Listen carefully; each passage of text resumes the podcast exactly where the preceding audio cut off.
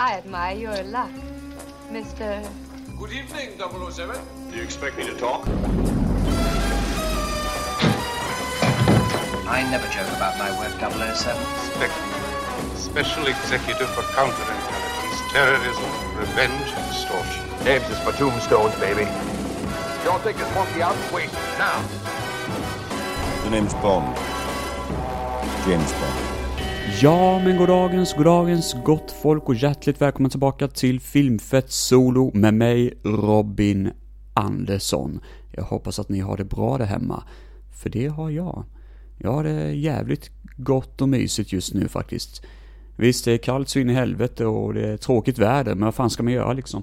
Jag är oväntat pigg faktiskt för att det ska vara sån här novemberväder. Det är fan riktigt pissigt. Eller, nu när ni kommer höra det avsnittet så är det ju november, men nu när jag spelar in så är det um, i slutet av oktober faktiskt. Och uh, ja, just nu så har flytten inte skett ännu. Vilket jag ser så in i helvete. Jag kommer inte flytta förrän troligtvis vecka 46. Ser det ut som. Eh, så ja, det är några veckor kvar, typ två veckor. Och jag klättrar på väggarna utav bara helvete. Vilket är anledningen varför jag gör de här förinspelade avsnitten i första början. För att jag känner mig sjukt jävla uttråkad. På ren svenska. Jag ska prata om James Bond i dagens avsnitt.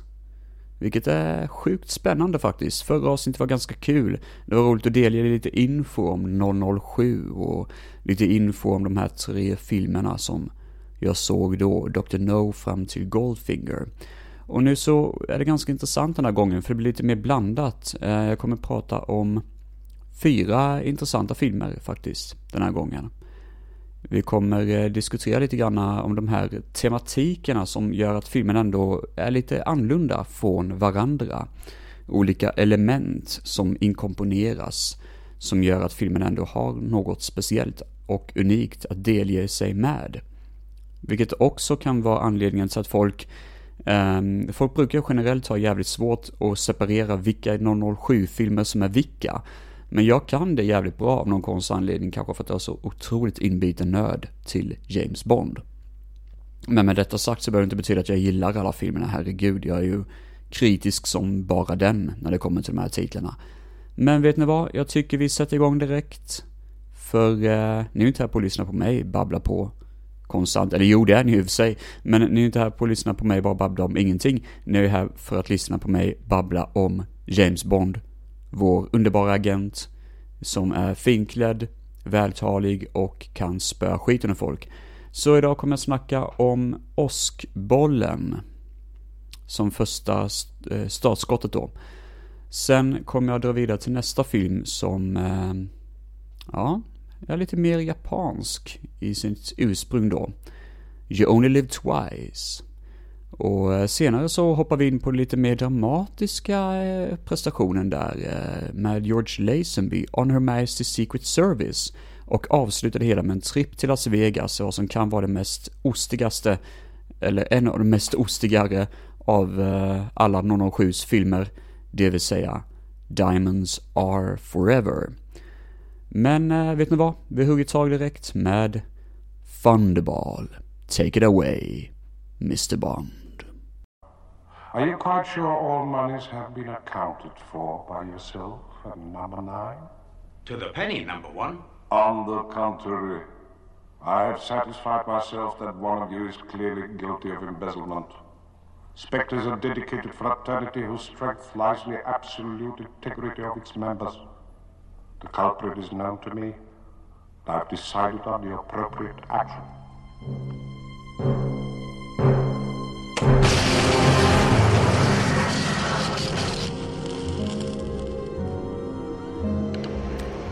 Jag glömde ju såklart säga det att det kommer bli spoilers i eh, följande filmer. De är ju ändå trots allt ganska gamla, så jag känner ändå att det kan vara ganska bra att ge en spoilervarning till eh, mina kära lyssnare.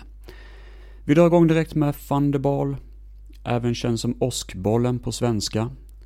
Detta är den fjärde filmen i installationen och vi, eh, det här är ju en film som egentligen var direkt efter Um, Goldfinger, som än idag hyllas som en av de bästa James Bond-filmerna. Så då kan man ställa sig frågan, vad kommer det här gå? Alltså kommer det här gå väldigt bra eller kommer det här gå väldigt dåligt? Vad, vad händer härnäst liksom? 1965 kom filmen ut, Thunderball. Regisserad av Terrence Young. Och det är hans sista regijobb efter From Russia With Love. Jag har också för mig det var han som gjorde Dr. No, om jag inte minns fel. Jag kom faktiskt inte ihåg vad jag sa i första avsnittet. Tom Jones gör den tunga introlåten i filmen. Som är eh, det bästa med hela filmen, ärligt talat. Det är en av de bästa James Bond introlåtarna någonsin. Eller det känns som att jag faktiskt kommer säga det med varenda film som jag kommer prata om här, ärligt talat. Men det är tungt, det är mystiskt, det är en jävla stämma han har när han sjunger den här låten alltså. Den är, eh, det är som ett, ehm, Eh, ett bazookaskott som typ imploderar i stort sett. Va? Det, det är riktigt mäktigt. Och det är inte alla kända musiker som fick äran direkt att göra de här Osk, eller de här James Bond-filmen, låtarna helt enkelt liksom. Så det måste varit en sjukt stor ära för Tom Jones. Um, helt vansinnigt faktiskt. Man hör ju också vad han säger, man hör ju vad han sjunger. Till skillnad från Billie Eilish i den senaste um, No time to die, eller vad hon heter. Där hör man ju inte, hon mumlar ju fan bara. Hon sitter säkert och käkar flingor när hon sjunger den låten. Det låter fan inte bra i alla fall alltså. Ja. Men men. Tom Jones har sjukt bra introlåt i Thunderball. Men det var inte tänkt så att han skulle göra introlåten utan det var tänkt så att det var en annan eh, musiker. Och jag tror till och med jag kommer nämna henne senare idag faktiskt. Men, för jag, kom jag har faktiskt inte skrivit anteckningar just nu vad hon heter, men hon skulle sjunga låten Kiss Kiss Bang Bang. Men eh, den var för kort den låten, så den användes tyvärr inte. Vilket är lite synd, men man hör ju lite grann på den låten att okej, okay, den är lite kort, men den är, den är fan effektiv. Inte lika bra som Tom Jones låt dock. Och Johnny Cash gjorde sin egna kontribution, sin egna låt då, Thunderball, till filmen med musiken då. Men han fick inte ha med sin låt och när jag lyssnar på den låten så förstår jag varför, för det är alldeles för mycket country över det. Och country är ju för amerikanskt. Det, det här är lite mer klass, det är lite mer... Det, det hade inte funkat i den här typen av film, kanske i en senare James Bond-film, men inte i denna i alla fall. Så det var smart val att allt hamnade på Tom Jones låt istället. Och här får ni höra en liten, um, en liten snutt av den låten.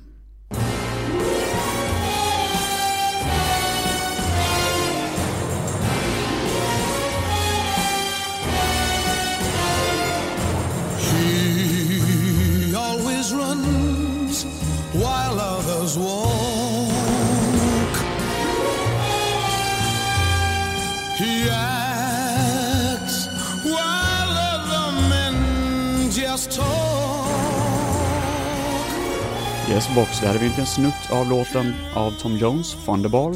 Man hör direkt att eh, det är en jävla stämma. Fan, han måste svettas något kopiöst när han sjöng den låten i, eh, i, eh, i rummet där, musikrummet. I den lilla kuben där man gör musik.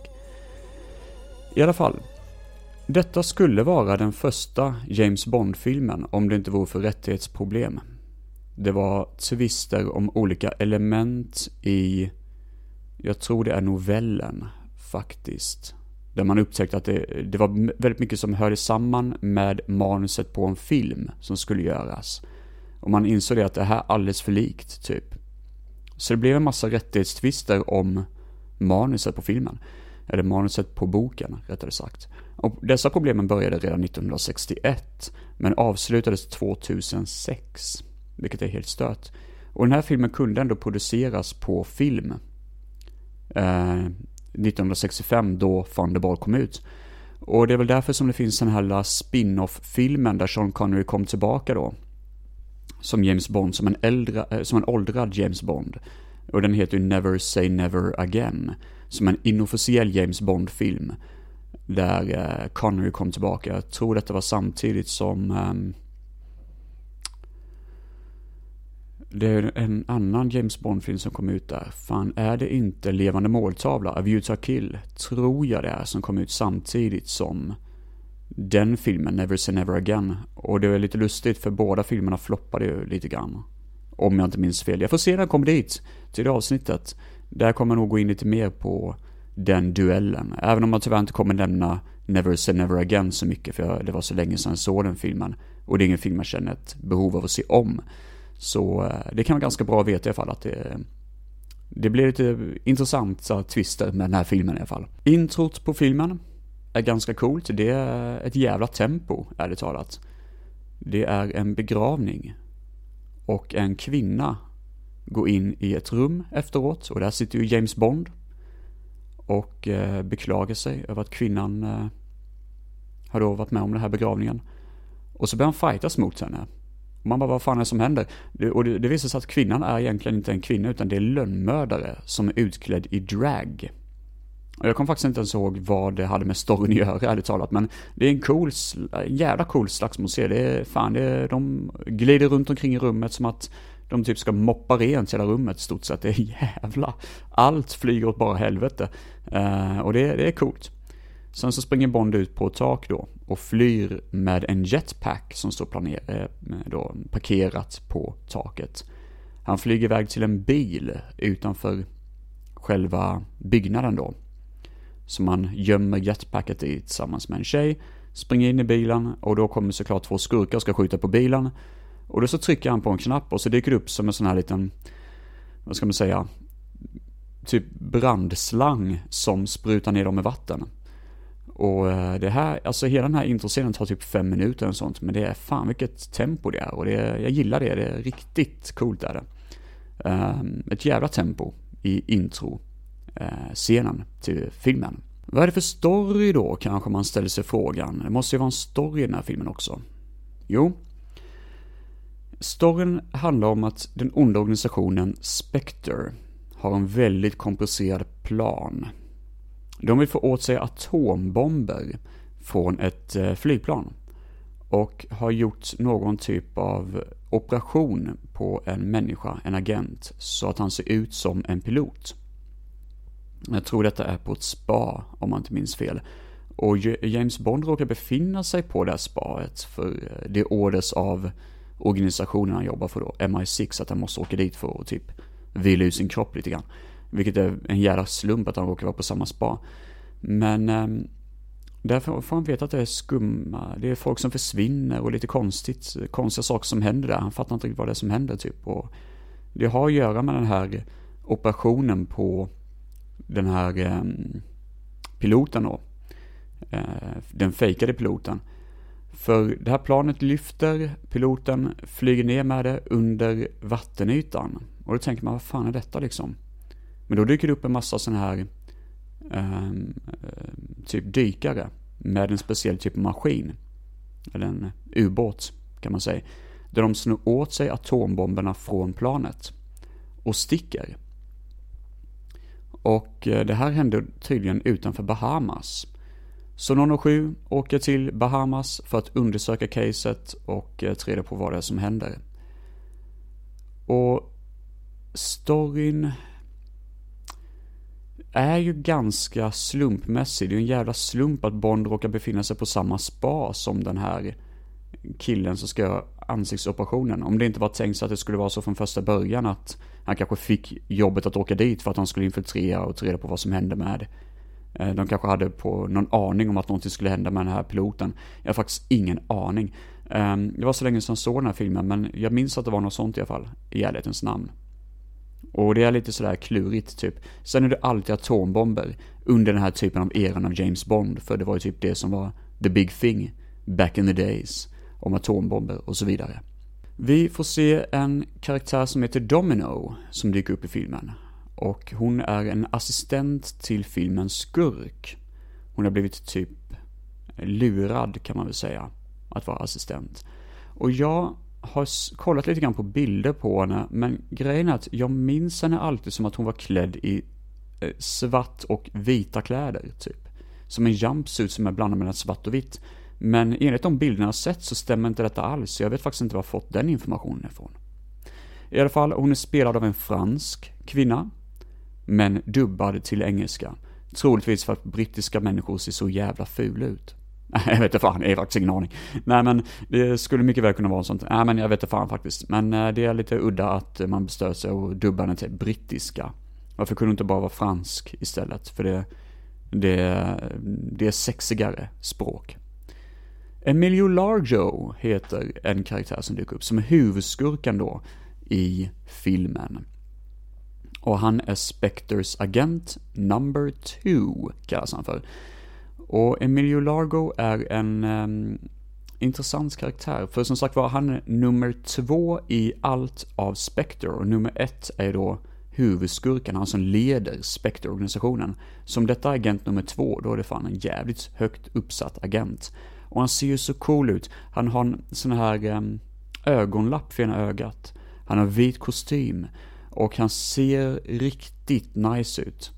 Men han är inget hot i hela filmen. Han ser bara cool ut. He talks the talk, he walks the walks, but he doesn't do the action. Som är ett eh, påhittat ord, som jag sa just nu, eller påhittad fras.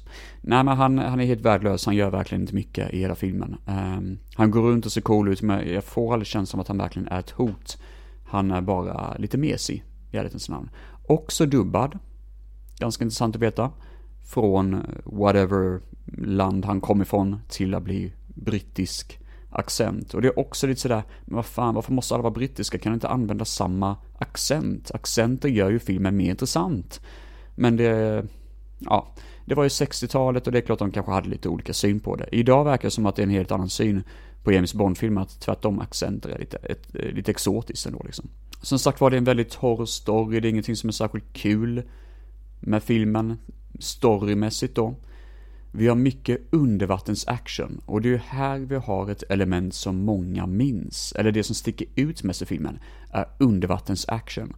För det är väldigt mycket action som utspelas under vatten och undervattensscener är så coola att kolla på. Med jättesköldpaddor och vackra fiskar och allt är snyggt, men när det kommer till actionscenerna så håller det inte. För det bubblar ju bara hela tiden när folk slåss. Och man ser ju inte vad som händer och någon snubbe får en kniv instucken i sig men det kommer bara ut bubblor och det, nej. Det håller inte bra för det är segt att kolla på och det är pampig musik och så vidare men det är ingenting som egentligen är kul att se.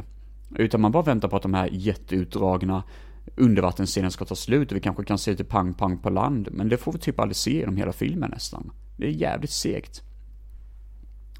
Vi får även se en båtscen i slutet av filmen, som är en duell mellan James Bond och huvudskurken då Emilio. Men det här har man bara spelat upp materialet. Man har spelat upp hela filmen, alltså hela scenen. Och visst, det var ju 60-talet som sagt var, det får man ju överseende med, men det, det är ju väldigt fult att kolla på detta idag. Ehm, det, det är segt att kolla på. Det, och som sagt var, Emilio Largo är en sån karaktär som man vill se mer utav. Och så får man den här båtscenfighten som är alldeles för kort och oengagerande. För oss i alla fall att kolla på nu.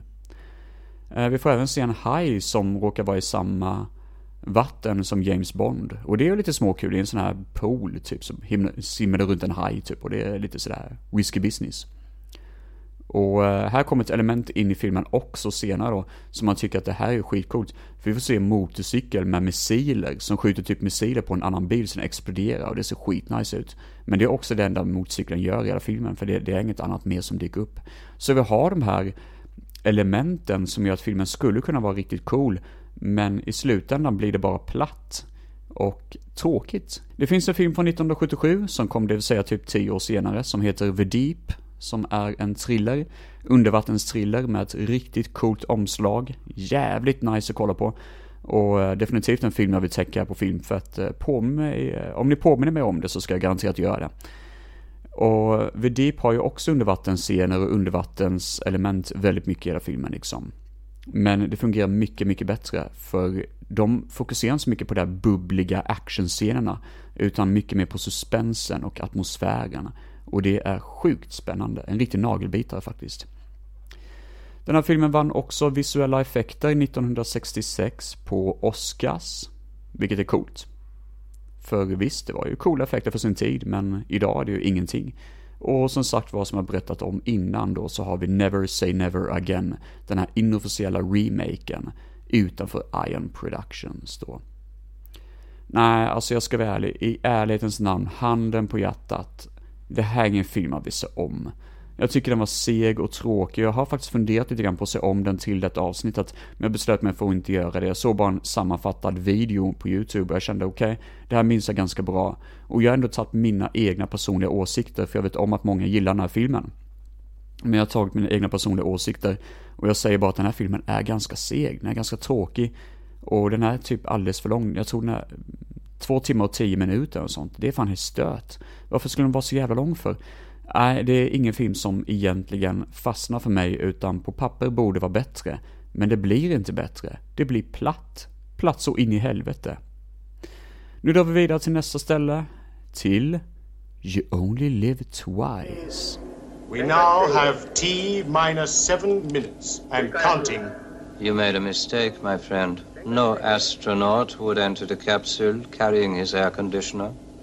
Remove his helmet.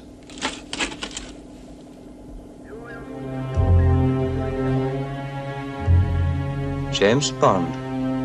Allow me to introduce myself.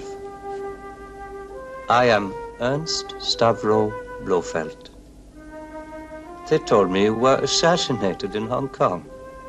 Yes, this is my second life. You only live twice, Mr. Bond. Jajamensan, gott folk. Det här var ett gött litet soundbite från filmen You Only Live Twice. Ja, där fick man ju introduceras lite grann till en karaktär som jag tänkte prata om alldeles strax. Som ni hörde i klippet. Men innan dess måste vi snacka lite grann om filmen. 1967 kom den här filmen ut, kort därpå efter Thunderball. Och eh, Louis Gilbert var det som regisserade den här filmen, hans första film. Sen så gjorde han även The Spy Who Loved Me, jävligt bra Bondfilm faktiskt och den otroligt värdelösa The Moonraker, eller Moonraker som den bara heter. Eh, riktigt, riktigt, riktigt värdelös film och en av de sämsta enligt mig. Eh, Screenplay av filmen gjordes av Roald Dahl, den danska författaren. Det är lite småkul ändå. Lite gött, lite härligt sådär. Och eh, vi får en intro sound, eh, eller introlåt av Nancy Sinatra i You Only Live Twice. Så det är väldigt bondaktigt, väldigt mysigt och så. Kanske inte en av de bästa, men ändå lite mysig låt. Och den kommer här. You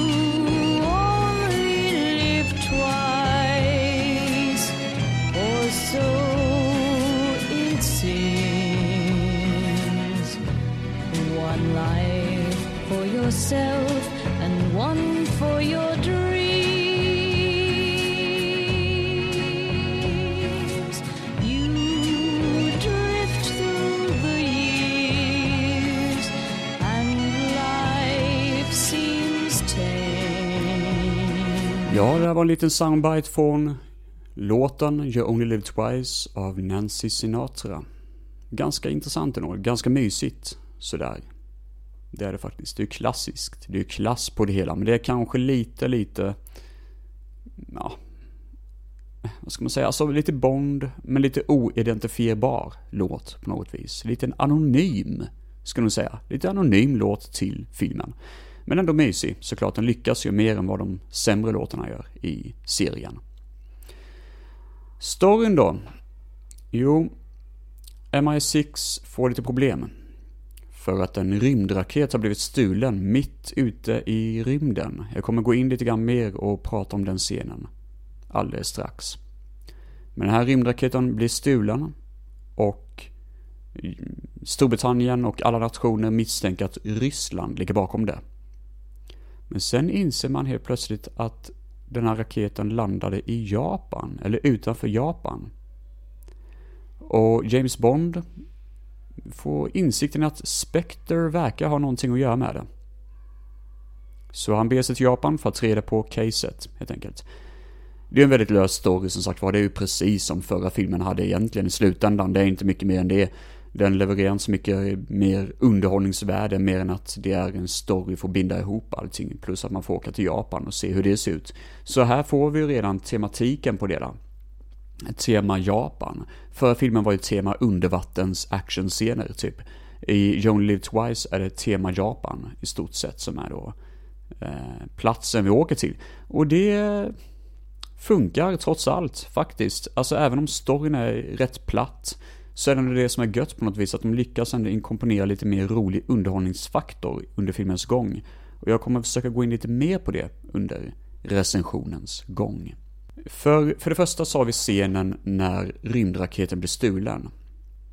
För det är en gubbe som sitter utanför rymdraketen i sån här litet snöre typ, ni vet, och pysslar med någonting utanför, vilket är helt sjukt. Det ser jävligt bra ut, ärligt talat, den här scenen.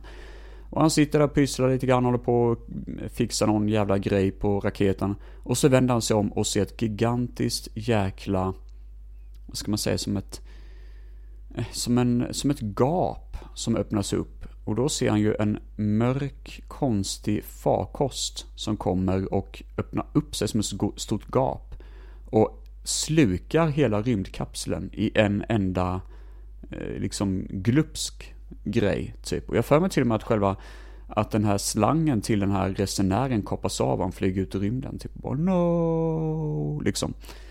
En eh, scen som egentligen inte riktigt passar i James Bond, för det är alldeles för spaceat, det är alldeles för mycket Star Wars över det. Men samtidigt är det en scen som är jävligt snyggt gjord. Och bara det att de inte nämner så mycket mer själva den händelsen gör att även om man kanske tycker de här 15 sekunderna är lite löjliga så är det ändå snyggt gjort och man kan inte sluta tänka på att det här är fan det här är sjukt liksom. Det här är några år innan, eh, innan eh, Star Wars kom ut liksom. Så det eh, är rätt mäktigt det där. Sen har vi ju alla de här coola elementen under filmens gång som jag pratade om. Filmens intro är ganska platt och tråkigt. Men det händer en sak som är ganska cool. James Bond dör. Och nu använder jag såklart quotation marks. Han iscensätter sin, eh, sin egna död för att han ska kunna jobba bättre undercover. Vilket är bra som fan. Grejen är bara det att det här används typ aldrig i hela filmen. Utan det är bara någonting som är kul för att titeln på filmen är You Only Live Twice. Så tyvärr använder man inte detta så bra att han fejkar sin död, utan det är mest bara en sak för att han ska kunna jobba undercover lite lättare, att James Bond är död, typ. Um, de har ju använt en liknande story i den senare filmen Skyfall på ett bättre sätt i min mening då.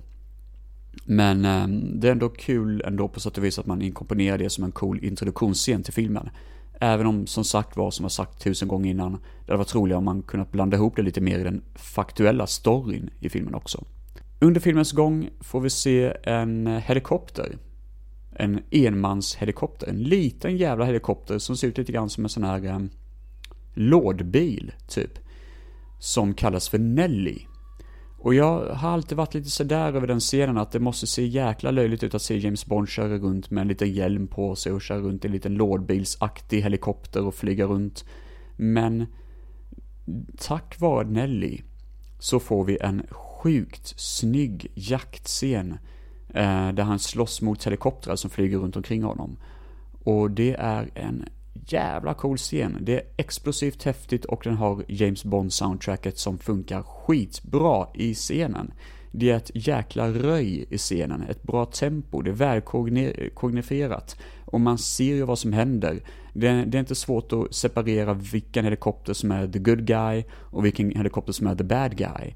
Och det är en cool actionsekvens som faktiskt, även om det är lite utdaterat idag, funkar bra för att det är så jäkla out there och sjukt. Men som sagt var, den är väldigt jä alltså jävligt välgjord faktiskt. Vi får även den klassiska basen i vulkanen. En vulkan som befinner sig eh, på mark då liksom. Och där i vulkanen så har Spectre en av deras största liksom basar ever. Men långt innan de här scenerna så får vi också en fight i ett kontor mot en väldigt storvuxen man. Och de här fighterna tycker man ju om för de är ju fläskiga. Det är mycket glida runt på golvet och slåss mot honom och eh, han lyfter upp en stor soffa och svingar mot Bond och sådana saker. Och, ja, det är coolt. Det är riktigt coolt. Som sagt var, de använder Japan som en väldigt rolig inspelningsplats och är väldigt lekfulla med att få filmen att bli så effektiv som möjligt. Och det är ju där James Bond är som bäst. När man använder när och fjärran-syndromet som jag kallar det för, genom att åka runt och visa hur världen ser ut. Men man också använder på ett kul och roligt sätt till att berätta storyn. Och det, det lyckas man med här. Det dyker upp en karaktär i filmen. Jag kommer inte ihåg hans namn, men han spelas av en skådespelare som heter Charles Gray. Och Charles Gray spelar, eh, alltså, han är en jävligt liten roll för han dör typ efter fem sekunder nästan känns som. Men det roliga är att han dyker upp senare i serien som skurk. Han dyker upp som eh, Ernst Stavro Blofeld i Diamonds Are Forever. Och eftersom att jag kommer täcka den filmen idag så kommer ni även komma tillbaka till Charles Grey senare under avsnittets gång. Men eh, här i denna rollen så spelar han betydligt bättre än man gör som skurk i uh, Diamonds of Forever. Han är eh, riktigt värdelös i den filmen, alltså fan.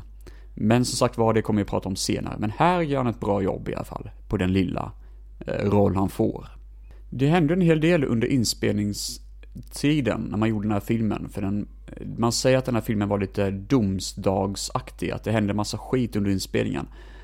Vi har några producenter då, producenterna som åkte till Japan för att kolla in locations, var man skulle spela in filmen. Och sen så skulle de ta ett plan hem. Men av någon anledning så kom de aldrig med på det planet. Det var kanske en sista sak de skulle kolla, eller något sånt. Så de tog ett annat plan. Och när de kom till flygplatsen senare så fick de veta det att det planet de skulle åka med kraschade i en tragedi. Det blev helt enkelt en flygplansolycka.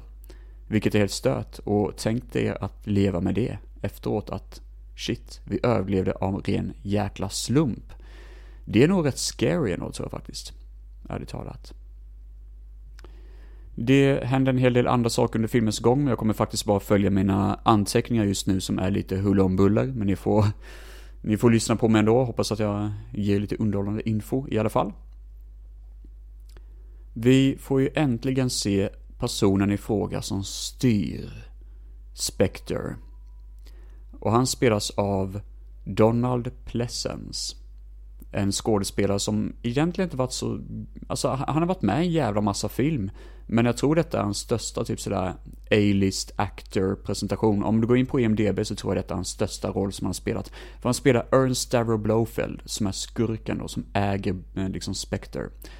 Och Tydligen, jag har aldrig tänkt på det när jag ser filmen, men han är väldigt intensiv under hela filmens gång. Och han blinkar aldrig under hans scener. Det är hans gimmick, han ska inte blinka när han syns i film. Det är ju jävligt obagligt när han är med i filmen. Han har en väldigt lite screen time, han är bara med i slutet av filmen, men han gör otroligt bra jobb. Alltså hans sätt att diskutera, hans sätt att prata, hans sätt att... Hans look liksom. Det är det ni hörde i början av eh, den här, eh, innan jag började prata om den här filmen, så in en soundbite och det är ju han ni hör. You only live twice Mr Bond. Oh, riktigt obehaglig gubbe alltså, för fan. Och han gör ju eh, ett jäkla bra jobb alltså, ärligt talat, på riktigt. Man får nästan lite kalla kår när man ser honom. Eh, riktigt bra. Enligt mig den bästa Ernst Stavro Blofeld som syns på film. Företaget Toho Studios hjälpte till att producera den här filmen och det är de som gjorde Godzilla. Så det är lite småkul. För ska man till Japan så vänder man sig till Toho. Så är det liksom. Sean Connery var väldigt, väldigt, väldigt, väldigt trött på att göra James Bond nu. Och det här var, skulle vara en sista. Och det blev mycket sådär att alla fans och alla typ paparazzis och sånt var på honom hela, hela tiden. Och han var så trött på det. Tydligen så var det någon gång att han skulle gå över plan och han hade tappat rätt mycket hår vid den här tiden. För han tappade ju hår väldigt tidigt. Och brukade ha hairpiece på sig när han var James Bond. Och då var det många som sa typ, ah, varför har James Bond inget hår för? Liksom sådär. Och då var han jävligt trött på det liksom att, ja, James Bond har säkert hår men jag heter Sean Connery liksom. Ja, så man förstår att han är trött på skiten. Det var många skådespelare som blev trötta på att ha sån otrolig uppmärksamhet när man spelar den rollen. I ärlighetens namn. Och man förstår varför. Det är en stor roll att axla. Och han blev ju en superhjälte för sin tid. Det hände lite annan skit under inspelningen. Vi har den här helikopterjaktscenen med Nelly-helikoptern. Som jag pratade om innan. Och en kameraman som skulle åka med för att typ filma, som brukar vanligtvis filma sådana här skidjaktscener i James Bond-filmerna. Så han, han är alltid med i actionsekvenser, för han är actionfotograf kan man kalla, kalla det för, nästan. Han fick ena foten amputerad för att han råkade ha foten för nära en, eh, ett helikopterblad.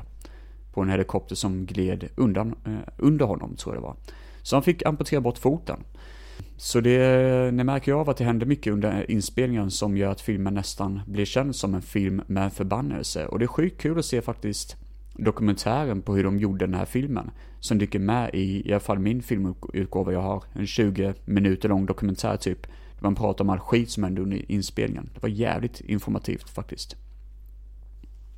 Som sagt var, vi har episka miljöer, vi har bra musik, vi har kvalitet i utförandet och kvalitet i nästan allting. För att det är, det görs med mycket modighet och det görs med mycket kraft. Det enda som verkligen faller i filmen är att James Bond måste gå undercover som asiat. Och vad gör man då när det är en gammal film från 60-talet? Jo, man sminkar ut honom i asiatisk makeup, såklart, och sätter på honom en skitful hairpiece. Och call it a day, nästan. Och det ser ju för jävligt ut. Det ser ju inte bra ut. För han ska tydligen fejka att han gifter sig med en tjej också. Och det konstiga är att hon hjälper till honom när han ska invadera den här vulkanen. Men det roliga är, han har ingen connection med den här tjejen överhuvudtaget. Bara det att hon ska vara hans typ cover-identitet under tiden han är i Asien. Är det något så jävla puckat är det. Som sagt var, jag har redan sagt det flera gånger, men det här är en riktigt bra film faktiskt. Eh, kvaliteten håller skarpt, det är ett roligt äventyr hela filmen igenom. Jag tycker aldrig man blir uttråkad, utan jag tycker faktiskt den levererar. Och själva attentatet mot vulkanbasen är riktigt kul att kolla på. För då är det inte bara James Bond, utan det dyker upp ninjas också som slåss och... Ja, det är en cool scen, alltså riktigt häftig är det.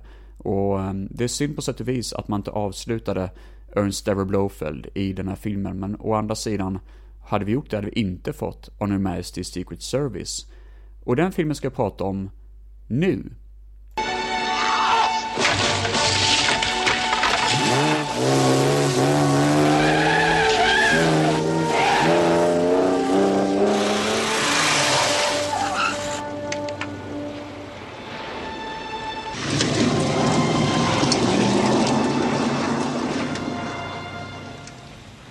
This never happened to the other fella.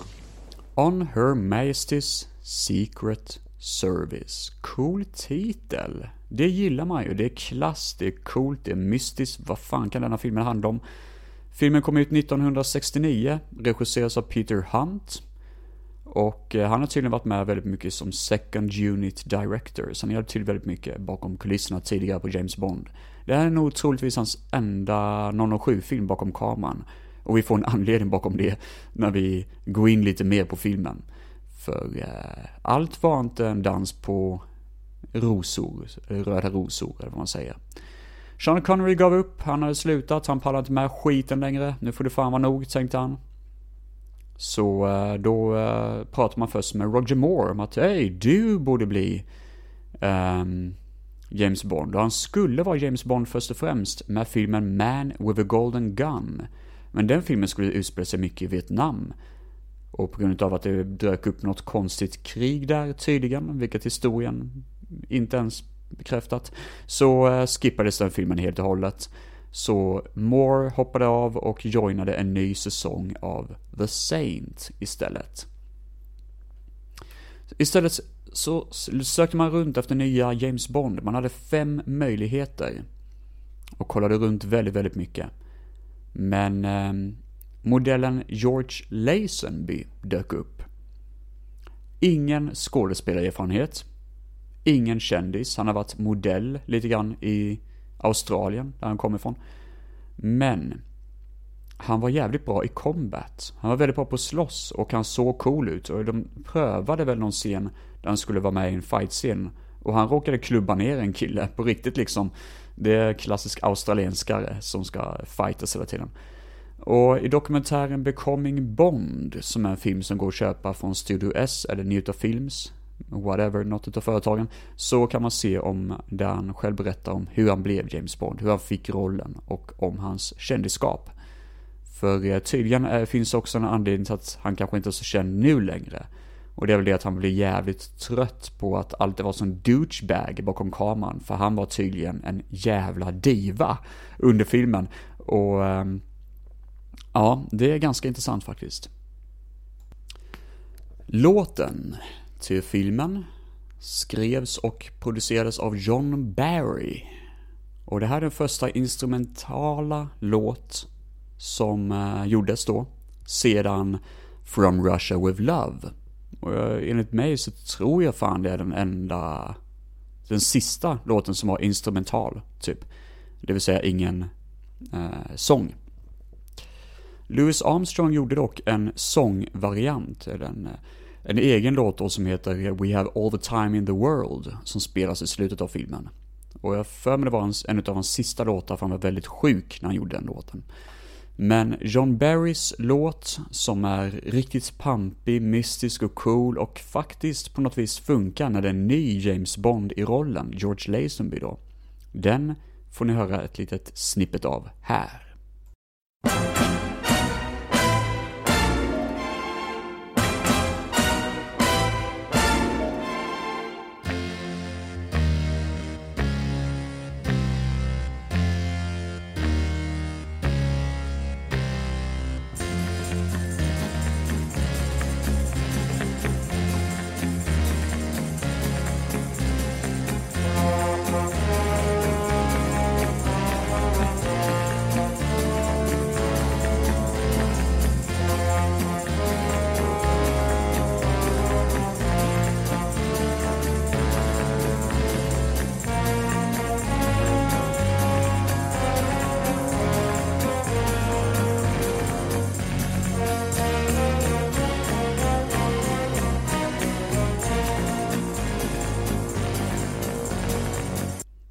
Ja, det är klass alltså. Det är riktigt klass över det här. Jag blir så glad när jag hör den här låten. Det, det, det är ju någonting som egentligen summerar hela James Bond-franchiset, mer än att det summerar den här filmen. Utan det känns som att det hade funkat med nästan vilken James Bond-film som helst.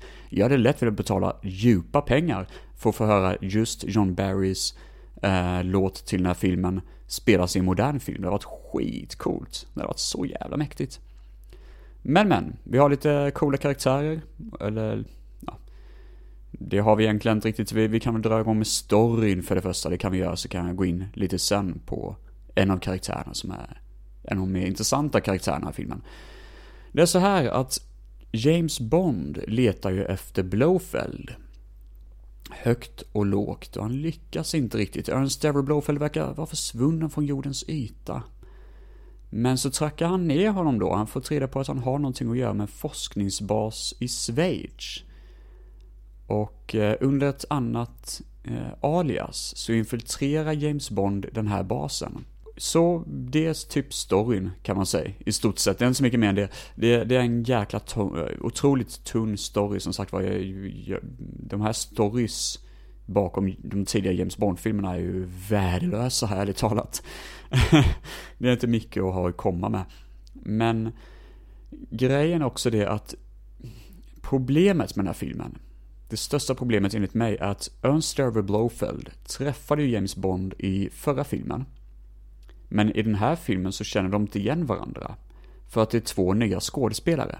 George Lazenby som spelar 007 och eh, en ny skådis då som spelar här eh, Ernst Sterver Blofeld. Och det är så jädra mysko. Jättekonstigt är det, för man tycker de borde känna igen varandra. Men å andra sidan, den här filmen hade ju inte gått någonstans om de hade känt igen varandra. Då hade ju filmen bara blivit en actionscen typ. Istället för att de låtsas att de inte vet vem de är eller sådär. Och det...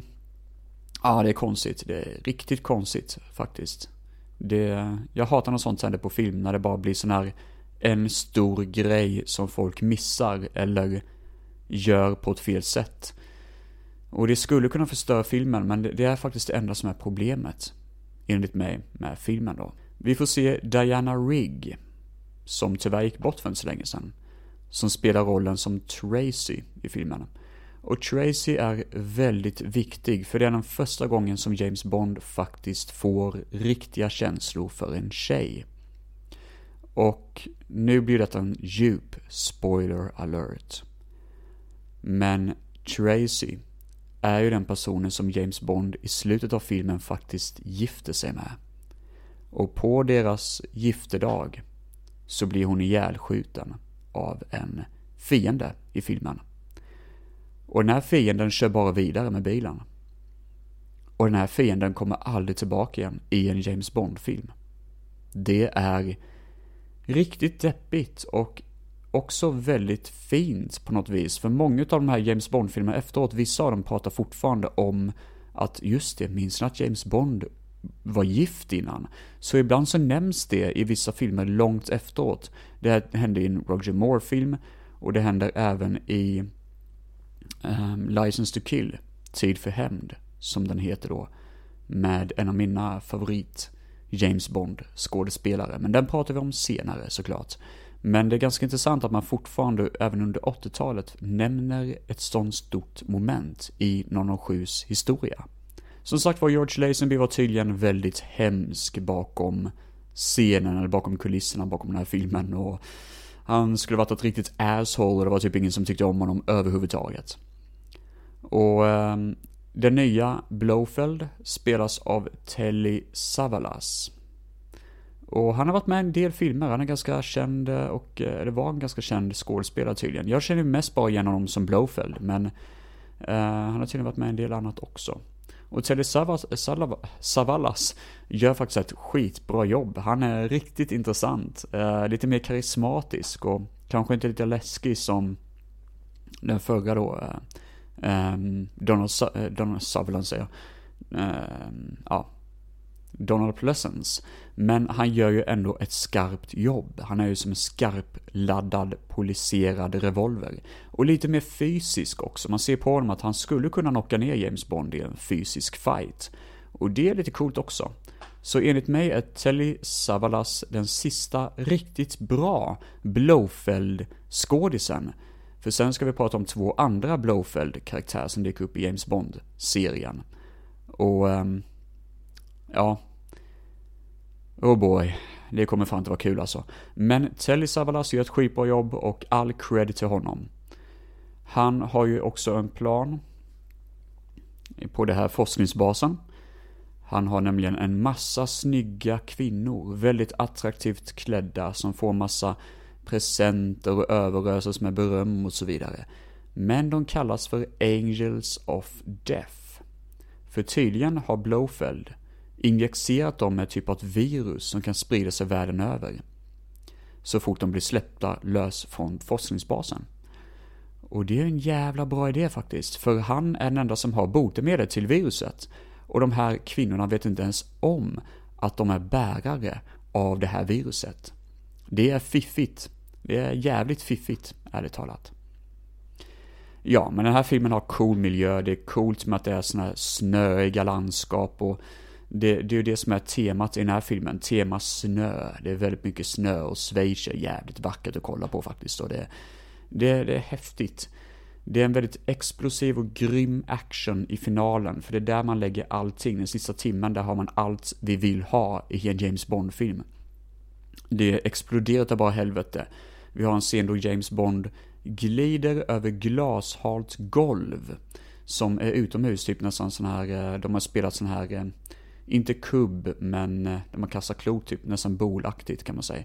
På, eh, på sådana här mm, isgolv. Och han glider över detta isgolvet och skjuter med en AK47 och det ser så jävla badass ut.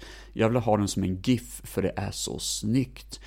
Eh, och sen så har de då en sån här rundad släde. En sån här bobsleigh heter det på engelska. Som åker i, som skyttegravar kan man säga. Sån här eh, diken. Det är en tävling lite längre ner på det här berget då. Och eh, här är ju såklart en skitbra scen då de åker, eh, jag tror de åker eh, bob, alltså sån släde och de åker skidor och sånt och jagar varandra i en sån, eh, liksom sån här, ja, nu är jag dålig på att beskriva saker, men i en sån eh, gryta så att säga liksom. Och det är så snyggt gjort, det är riktigt häftigt och det är effektivt och det är bra tempo och man bara sitter och liksom käka upp sina naglar för det är så spännande. Och så får vi ett skitcoolt lavinras också där. Såklart, för det måste man ha i och med att man är på ett berg. Oh boy. Ja, seriöst. Um, On a Secret Service är en film som är väldigt dåligt klippt. Den har dålig redigering, det har den. Det är troligtvis kanske det största problemet med filmen. Att den har mycket klippta fel. Men jag tror det var för att det var mycket skit och alla hatade George Lazenby bakom kameran. Men däremot, själva filmen i sig har skitbra action, skitbra ledmotiv och är faktiskt enligt mig en av de mest nagelbitande och spännande actionfilmerna. Skulle folk fråga Ehm, vilka typer av James Bond-filmer jag skulle rekommendera så skulle jag säga, vill ni se en tidig James Bond så ska ni se denna och ni ska se You Only Live Twice och ni ska se Goldfinger. För det här är, eh, det, detta är nog faktiskt en av de bästa James Bond-filmerna tillsammans med Goldfinger. Men det är allt som allt eh, som jag har att säga om On a Majesty's Secret Service, skitgo film. Och nu ska vi till Las Vegas och spionera runt lite grann och prata om diamanter i Diamonds Are Forever, även känd på svenska som Diamantfeber. What's the matter with him? It's my wisdom teeth. I haven't had them out yet. Would you mind having a look, Doctor? Of course. I'm not going to hurt you. Just open. No, no, no. Open wide. Ha! Ha! Curious. How everyone who touches those diamonds seems to die. Diamonds Are Forever kom ut 1971 av Guy Hamilton. Guy Hamilton. Mm. Jag kommer faktiskt inte ihåg. Jag har inte skrivit någonting här vilka mer Bondfilmer han har gjort, men eh, jag känner ju igen det namnet som fan. Jag har för mig han gjort någon av de tidigare James Bond-filmerna. Är det inte han som gjorde Goldfinger, tror jag? Jag har för mig det.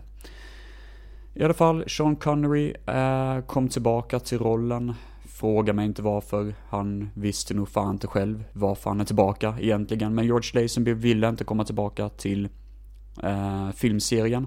Han var väldigt trött. Och därför så anställde man Sean Connery. Och han är väldigt sliten, han, han är lite sliten och lite uttråkad i rollen som James Bond. Det ser man på honom att han, han vill egentligen inte vara där. Och i introt av filmen så får vi ett collage när James Bond går runt till olika skurkar och eh, liksom ifrågasätter Where is Blowfield? Liksom, vad är Blowfield? Vad är vår skurk? Vad är huvudskurkan? Och knockar ner lite folk och frågar runt väldigt mycket. Och till slut kommer han till ett laboratorium. Där Blowfield gör en sån här plastikkirurgi på sig själv. Så han har ju ändrat utseende, det har man en förklaring till nu. Och James Bond eh, 007 eh, dödar då Blofeld och dränker honom i gyttja. Och sen drar vi igång med filmens eh, eh introlåt. Diamonds of Forever sjungs av Shirley Bassey. Hon gjorde tre låtar i serien. Goldfinger, Diamonds of Forever och Moonraker. Hon gjorde även låten Kiss Kiss Bang Bang i åskbollen, men den användes ju inte. Det var den eh, låten jag pratade om innan som eh, jag hade kommit på vem fan det var som hade gjort. Men det är Shirley Bassey som gjorde den. I alla fall, den här låten... Nej.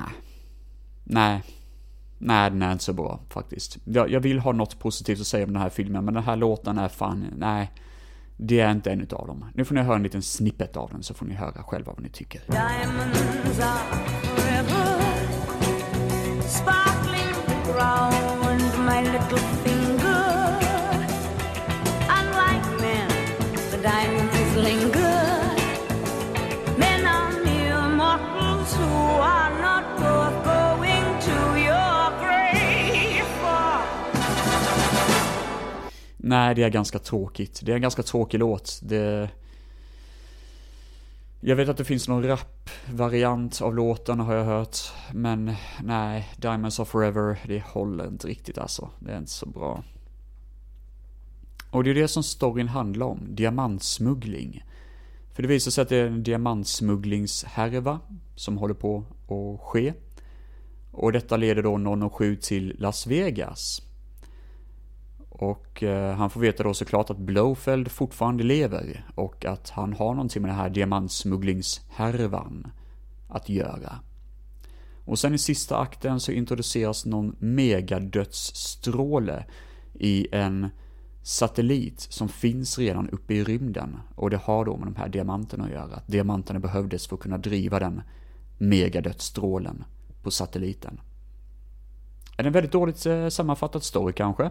Kanske ni tycker, ja, det är för att storyn i filmen inte håller ihop överhuvudtaget. För jag fattar inte vad diamantsmugglingen, hur det leder till den här megadödsstrålen. Det är ingenting som hänger ihop överhuvudtaget. Det är lite småkul att se James Bond infiltrera en diamantsmugglingshärva och man tycker att det är nog fan räckt i sig typ och det kanske leder till något större men sen måste man blanda ihop Blowfeld som inte funkar i filmen alls och sen om megadödsstråle som bara, vad fan är detta liksom? Och det känns som att de måste ju ha varit skithöga när de skrev det här manuset. Eller så är det bara tre separata personer som har skrivit tre separata stories. Det hänger ju inte ihop överhuvudtaget. Det är jävligt fjantigt gjort. Vi får se en karaktär som heter Jill Sant John. Jill Sant John. Som eh, spelar, eh, det är hon som är skådespelaren då. Hon spelar en diamantkontakt i den här diamantsmugglingshärvan. Och hon heter Tiffany Case. Hon är eh, då smugglaren i Las Vegas, eller hon ska smuggla från Amsterdam till Las Vegas för mig. Och James Bond eh, använder sig av henne då för att kunna komma längre upp i härvan. Hon tror ju att han är en annan person, för James Bond har fått identitet då som gör att han kan Eh, infiltrera eh, organisationen lite lättare. Hon, är, hon låter på papper rätt cool för diamantsmugglare, det är ju lite småhäftigt ändå, lite coolt jobb, lite sådär underground jobb. Men det tråkiga är att hon är helt värdelös, hon gör fan ingenting, hon är bara en bimbo. Och... Oh. Äh, fy fan, det, det enda som ger mig sådana här rysningar är fan Albert Pune som regissör. Då var det illa om den ligger på den skalan av horribel kvalitet. Vi får också en karaktär som har ett väldigt roligt namn. Hon gör ingenting i filmen, men hon heter Plenty O'Toole. För sex säljer. Ja, vad ska man säga? Det är Plenty O'Toole. Of course you are. Did your father mention name you? Eller vad fan han säger, eh, Sean Connery. Usch, jag blir så jävla seg över att snacka om den här filmen alltså, fy fan. Uh, och så har vi då Blowfeld som dyker upp som sagt var, spelad av Charles Gray. Han är helt torr i den här filmen, har ingen finess överhuvudtaget. Han ser bara ut som en tjock gubbe som... som vill jävlas med folk typ och låtsas att han... Han ser ut som din tjocka farbror som typ ska grilla kov på sommaren och man bara, men varför står du där? Du har druckit lite för mycket. Jag kan grilla för helvete. Lite så är han när han spelar Blowfeld. Uh, eh, och han är bara en tease genom hela filmen. Han är bara retsam och det är till och med en scen han klär sig i, han ska klä sig i, i drag av någon anledning. Varför då? Jag vet inte. Det bara händer. Åh, oh, gud. Herregud.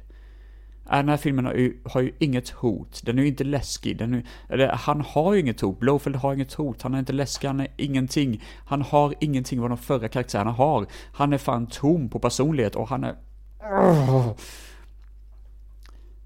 Charles Grey, alltså det, det, detta är ju en av de första James Bond-filmerna som jag någonsin såg, till och med. Och tänk dig att se Blowfield, som alla pratar så gott om, i den här filmen och bara, men vad fan, han är skitdålig ju. Han är ju lika skrämmande som en alkis klockan fem på en eftermiddag. Okej, okay, en alkis kan faktiskt vara ganska skrämmande ibland, men inte Blowfeld. Okej, okay, det finns vissa saker som är lite saving grace. Det räddar fortfarande inte filmen, men det är ändå vissa saker som är lite småkul. Det finns en karaktär som heter Willard White, som äger typ ett Las Vegas-hus och är skitstor. Men han har försvunnit, han håller sig väldigt mycket för sig själv. Och eh, det är väldigt mycket sådär Howard Hughes-inspirerat, den här karaktären. Men grejen är bara det att det visar sig att det är Ernst Dever Blofeld som jobbar under namnet Willard White. Medan den riktiga Willard White är i sitt hus, typ. Och inte vet om att Blofeld gör det här. Jag, jag vet inte. Jimmy Dean heter han som spelar Willard White. Han var tydligen eh, kollega och vän till Howard Hughes och tyckte det var ganska skrämmande att behöva spela en egen tolkning av sin chef. Ja, så det, det är lite småkul, men det används ju inte i filmen överhuvudtaget. Det är bara en detalj. Sen har man ju två lönnmördare som dyker upp som heter Mr. Wint och Mr. Kid. Det är två homosexuella män som går runt och dödar folk. Lite klurigt. Lite sådär.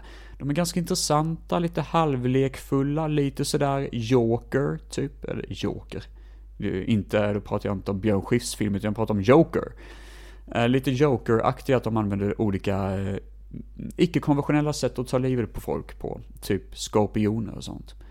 De är lite halvt intressanta men används ju på tok för lite för att filmen ska lyftas upp till någon hö högre höjd.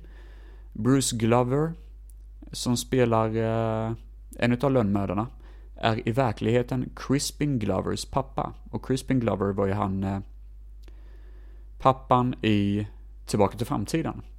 Sen har vi en jazzmusiker som heter Putter Smith, som spelar då den andra eh, utav de här duon då liksom. Bond får ju ta identifiering av eh, en utav eh, smugglarna, diamantsmugglarna, för att komma till den här kvinnan som han vill eh, ifrågasätta. Och eh, han tar ID från en person som heter Peter Franks. Och för att göra det så måste han sen slåss mot Peter Franks i en liten hiss. Och den scenen tyckte jag alltid var så jävla utdragen när jag var liten. Och den ser ju inte bra ut. Den är, den är klumpig och klantigt gjord. Men det blir värre. För vi får se en biljakt där Bond kör runt i en månbil som han har stulit från en mål, månlandningsstudio. Och det här är ju en horribel jävla idé, att se James Bond köra runt i en liten månbil som typ gjord av wellpapp och, ja vad ska man säga mer? Den ser verkligen för jävligt ut. Jag tror det är wellpapp och typ eh, eh, maskeringstejp och sånt. Nej, det ser fan inte kul ut. Alltså det här är ju hemskt. I verkligheten, en månbil väger ju tydligen väldigt lite har jag för mig. Så jag menar, den hade ju kört åt helvete i vilket fall som helst om den har varit i en riktig, i en riktig biljakt. Nej, fy fan vad dåligt det är. Eh, vi får också se en annan biljakt på Las Vegas gator. Och det är typ den enda underhållningen som finns, som jag kan komma på actionmässigt i alla fall, som har lite underhållningsvärde. Och så får vi se en oljerigg också i slutet av filmen också. En, eh, en rigg som borde bjuda på mycket action, men det gör det faktiskt inte. Filmen är ju väldigt billig på grund av att Sean Connery var så jävla dyr att anställa i den här filmen. Och då ställer man sig frågan, vad fan, varför anställde ni Connery för från första början? Men det, det, är väl troligtvis för att förra filmen, On a Majesty's Secret Service, fick ganska mycket skit och inte gick riktigt bra intäkterna. Så det är väl därför man fick gå tillbaka till, eh, till ruta ett, så att säga. Ursprungsplanen hade varit ganska kul faktiskt. För då hade vi haft Oric Goldfinger. Han gick ju bort i Goldfinger-filmen. Men eh, då så ska hans svenska bror vara skurk. Och han skulle spelas av Jet Fröb han också. Det hade varit skitskoj att se. Fy fan vad B det varit. Jag, jag tänkte mig Jet Fröb med en fake mustasch eller fake eh, skägg kanske. Vandra runt och bara liksom prata på eh, klantig svenska typ. Nej fy fan vad kul det hade varit. Uh, sen så är Sean Connery en jävla man. He's a man man. Så han dejtar två tjejer samtidigt under inspelningen av filmen. Och jag tror inte ens de visste om det. Det är ju ganska hårt ändå. Det är ganska hårt. Sen så gjorde man ju misstaget att man nämnde inte Tracy från förra filmen, On a Secret Service. För att den filmen floppade som sagt var, man bestämde sig att utsluta den från serien. Vilket är ganska fail i och med att nu är ju On Secret Service betydligt bättre än Diamonds Are Forever. Det var en person som sköt ihjäl Tracy efter giftermålet då, i förra filmen. Och då var det tänkt sig från början att hon skulle dyka upp igen, den här lönnmördaren, den här Irma Bunt. Som hon hette då, den här karaktären. Men skådespelerskan dog efter filmen och eh, då beslöt man sig att skippa det och då beslöt man sig kanske skippa helt och hållet det här med Tracy. Alltså man kunde göra så jävla mycket bättre med den här filmen. Den, är, den håller ju ihop som en jävla, åh, oh, jag vet inte vad. Som en flyktingsanläggning i Turkiet. Aj, jag har fan ingen aning vad jag pratar om. Nej men det håller ju inte någonstans. Det här är ju horribelt jävla dåligt. Manuset är så platt och fyrkantigt och tråkigt. Det är ingen actionscen som är kul förutom den här biljaktscenen i Las Vegas. Filmen är billigt gjord och även om man använder sig av Las Vegas som inspelningsplats, hur fan kan man faila på det? Jag vet inte, men de gör det. De bara failar makabert när de gör den här filmen. Och det gör mig så vansinnig. Nej, gud. Nej, för fan, det här är inte bra. Det här är, ärligt talat, en av de sämsta James Bond-filmerna, för den är så otroligt torr. Ni anar inte hur många gånger jag sett den här filmen, försökt att tycka om den och bara zonat ut utav bara helvete. Ibland vet jag inte, jag, jag ligger fan sömnlös om nätterna och ifrågasätter om den här filmen är värre än Moonraker. Och jag tror faktiskt den är det, för Moonraker, även om den är jävligt kass, har ändå vissa underhållningsvärden som den här filmen inte behåller någonstans. Å andra sidan, Spectre, som kommer komma långt in i framtiden, in på den filmen är ju också jävligt dålig. Nej, men det här är... Eh, det här är ju inte eh, hållbart. Det här är inte okej. Okay. Det här är ren jävla skit på ren svenska. Nu känner jag det att jag snackar på och babblar på alldeles för mycket om James Bond. Jag känner mig tom i bollen på det här. Jag vill bara svalka av mig med att se någon skön traumafilm eller kanske bara se något gott som kan få bort tankarna på något helt annat som inte har med James Bond att göra. För även om jag älskar James Bond så är det aldrig kul att sluta på en dyster note. Men i nästa avsnitt av Filmfett Solo kommer ju om, alltså jag vet faktiskt inte vad jag har upplagt, jag kanske har ett helt annat avsnitt nästa gång, jag vet faktiskt inte. Men nästa gång jag pratar om James Bond i alla fall, så kommer jag gå in på um, nästa person då. Det vill säga Roger Moore. Och uh, det är lite kul faktiskt, för det blir lite blandat också. Lite smått och gott. Så uh, håll i er, damer och herrar, håll i er. Det var allt för mig. Tack så jättemycket för att ni lyssnade på Filmfett Solo och jag hoppas att detta avsnittet var givande. Jag tycker det var ganska kul att snacka om James Bond i alla fall. Och eh, ta hand om er, era charmiga jävlar. Hej då!